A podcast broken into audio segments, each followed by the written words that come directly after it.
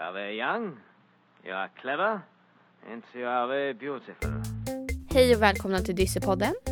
Mitt namn är Simon Helgesson Gruseus. Och jag heter Stephanie Melander.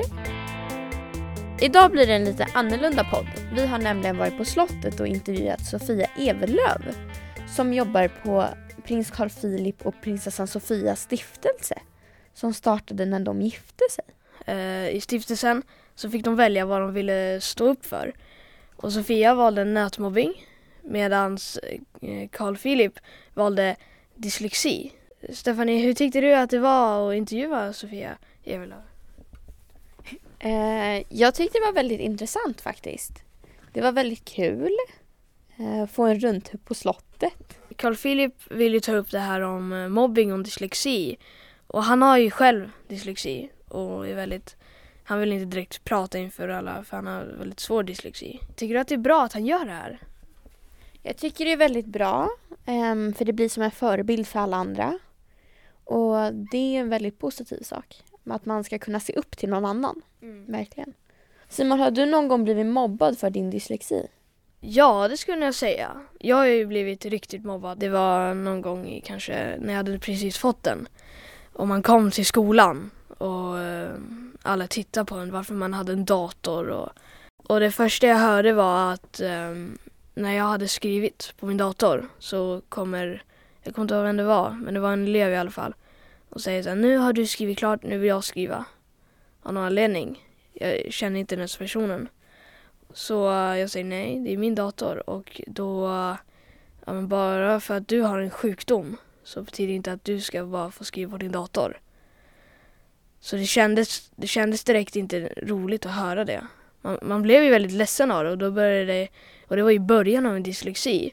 Så då kände man verkligen att, har jag en sjukdom eller inte? Man blev ju väldigt ledsen av det. Stefan, är du då? Jo, men det tycker jag absolut. Och just det här att många påpekar att man har dyslexi och att, att det blir du har skrivit fel där, du har skrivit fel där. Det blir ju jobbigt att höra i längden. Och det här på lektionerna man ska byta papper och du har, det är fel där och det är fel där och ja men det är bara för du är dyslektiker. Och så här eh, berättar Sofia om hur Carl Philip, prinsen alltså, har haft det. Och ljudet kan vara lite konstigt på grund av att vi sitter i, på slottet i en stor sal. Att han eh, tyckte att det var jobbigt att växa upp med dyslexi och tyckte det var svårt och speciellt i den rollen han har, att han är så en väldigt offentlig person. Så det, kunde vara jobbigt när man skulle läsa tal eller sådär. Har ni kommit fram någonting så här, har ni till eh, varför många blir mobbade av dyslexi? Vi pratar väldigt mycket om just det där, äh, den här normen, alltså så att man är som en jätteliten klick bara där man ska vara precis som alla andra. Och så fort man går utanför den där lilla klicken, vad det nu är, om det är kläder eller om det är att man har, tycker att det är knepigt att stava eller vad det nu kan vara, att det är så lätt då att, att eh, bli mobbad eller utsatt, eller malt inom situationstecken, det är alla. Att alla får vara med i den här klicken. Det finns ju ingenting som är onormalt, eller? Nej, men det är ju så. Det finns ingenting som är onormalt. Exakt. Utan alla är olika och alla ska vara olika. För att det är så det ser ut bara i världen och har alltid gjort. Tänk vad tråkigt om alla var bra på samma saker och gillade samma saker och såg precis likadana ut. Du, du har ju växt upp med två dyslektiker hemma. Ja, precis. Eh, hur kändes det? Alltså, jag tänkte nog inte så mycket på det när jag var liten eller tonåring. Då var jag så mycket uppe i mig själv sådär. Eh, försökte hitta mig själv, min egen identitet. Men när jag nu tänker på det, nu när vi pratar om det, kan jag verkligen se hur Ja, dels då min, det är min pappa och min lillebror som har dyslexi. Hur min pappa som är alltså den klurigaste människan, smartaste människan i den här världen. Han är uppfinnare. Eh, och han har alltid lösningar på allting. Pappa vet, alltså det är alltid pappa man går till när man eh, behöver hjälp med någonting. Och samtidigt som han är den verkligen den smartaste personen, han har fått massa priser för sina uppfinningar och du vet så här, försörjt en hel familj på sina uppfinningar. Så har han så mycket komplex och tycker att han är så osmart för att han liksom då i småskolan, när han gick i skolan, fick höra att han ja, var bara en svag elev och inte kunde läsa och var dum och sådär. För då fanns det ju inte ens begreppet dyslexi utan då var det ju liksom bara att han, att han var lite allmänt dum i huvudet. Så. så min pappa är 67 idag men han har fortfarande komplex från skolan.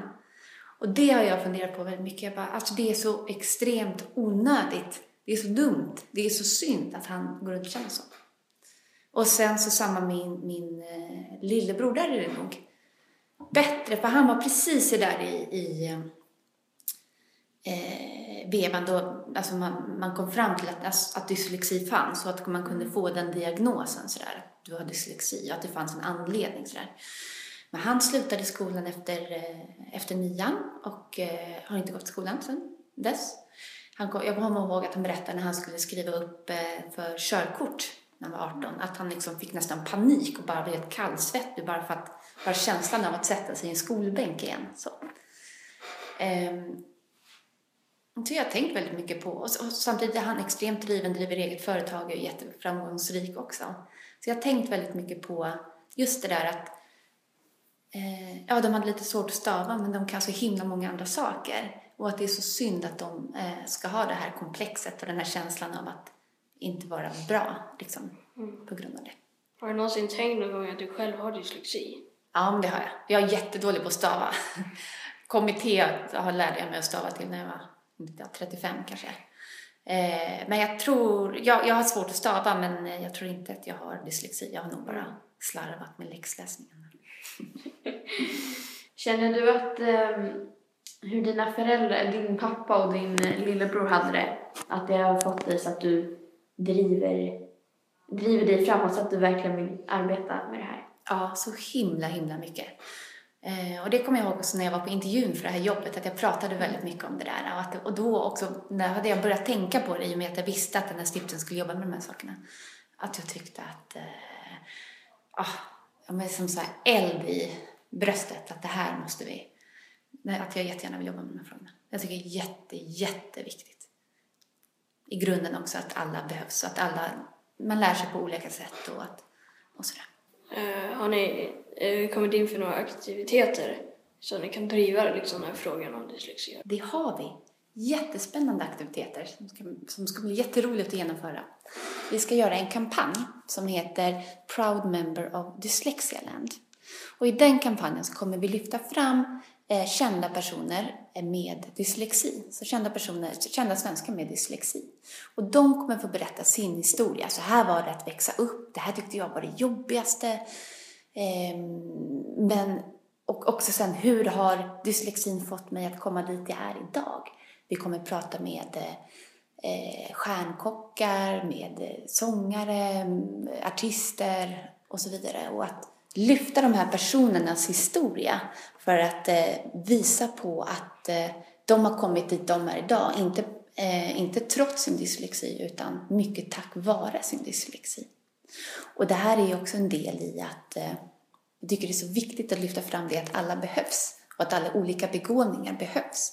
Och att du, om, att du är dålig på att stava betyder inte att du inte kan bli superframgångsrik eller göra precis vad du vill, utan snarare tvärtom. Sen så i, den, i och med den här kampanjen så kommer vi även ha en, eh, en Facebook-sida, eller vi kommer starta ett land som heter Dyslexialand, där vi kommer vara som ett, ja men dels ska vi ha en egen flagga och man kan bli medborgare i landet och så vidare. Men vi ska också vara som ett forum för personer med dyslexi, anhöriga, lärare och sådär. Så man kan så utbyta erfarenheter och historier och komma med tips och råd och sådär. Och sen så ska vi avsluta det med ett stort event på slottet som går under temat Du kan bli vad du vill. Där vi kommer prata väldigt mycket om vad är det som gör att, eh, man, att man kommer framåt i livet och att man når sina mål. Och att eh, till exempel att Nobelpristagare, är det de som är smarta som har fått Nobelpriset? Nej, det är de som har mest driv. Så det kommer vi prata om mycket, vikten av att ha ett driv i livet och sådär. Eh, hur ser ni på det här med dyslexi?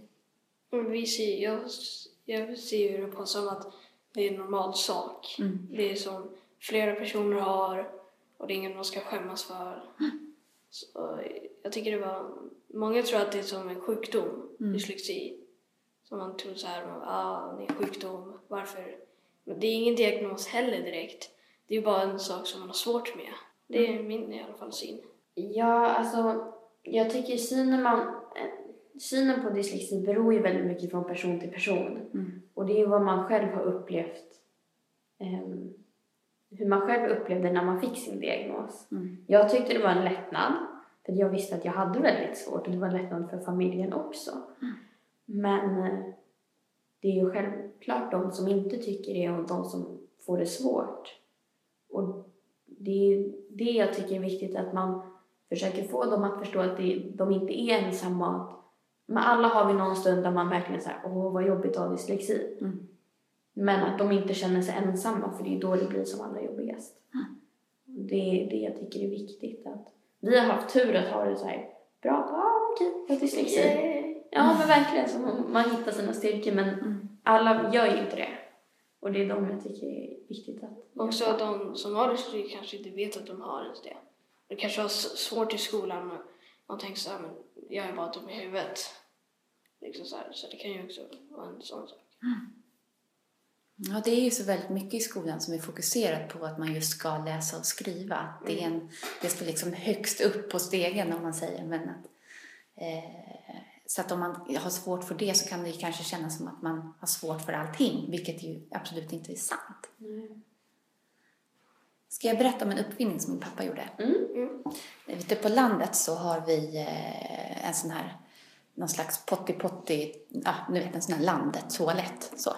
Och sen så gick det liksom ut en fläkt ut från den där, ut på eh, uteplatsen. Så det luktade alltid lite bajs ute på våran, eh, på våran uteplats. Och eh, ja, det var inte så roligt. Och då så helt plötsligt så kommer pappa gående med massa slangar och har tagit ner flaggstången. Vad, vad, vad gör du? Nej, men då drar han in, då först så tar han ut allting som är inuti flaggstången och gör den ihålig. Sen drar han in de där slangarna från liksom toalettfläkten upp i flaggstången, ända högst upp. Så att nu kommer den där lukten, den där bajslukten kommer ut 12 meter upp i luften nu. Så nu är det ingen som känner. Och det tycker, jag är så här, det tycker jag är så oerhört smart. Och det där är verkligen min pappa. Han hittar liksom lösningar som ingen annan. Och det är verkligen en styrka som han har. Ja, men eller? Även om han inte är så där jättebra på att läsa och skriva. Precis. Så han löser massa andra saker. Och det där tror jag verkligen på. Och jag tycker det är väldigt spännande och skulle... Vi på stiftelsen pratar väldigt mycket om hur man skulle kunna undersöka det där mer. Och så. Vad tror ni om det? Det, det skulle faktiskt vara ganska roligt att veta hur, så här, det är ju inte läs och skrivsökningen som påverkar en. Det är ju hur man annars tänker utan, liksom, utanför boxen. Det är, man tänker, de som har dyslexi tänker säkert mycket på att man kan inte göra någonting.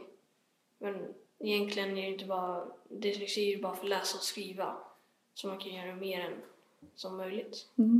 Precis. Det där tror jag också. Bara man liksom kan... Tänka att man kan. Exakt. Exakt. Vad tror du? Ja, lite att man låter kreativitet, kreativiteten ehm, få sväva fritt. Så att man inte håller sig innanför den här lådan och att man inte sätter några gränser utan man ehm, låter sin kreativitet flyga. Och då, när man använder kreativiteten, det är då man hittar sina egna sätt att lära och sitt eget, sina styrkor. Mm. Så det är viktigt. Mm, verkligen. Jätte, jätteviktigt. Are very young, you are clever, and are very beautiful. Tack att vi fick intervjua dig om det här Dyslexia Land och sådana saker om stiftelsen. Tack själva för att ni kom.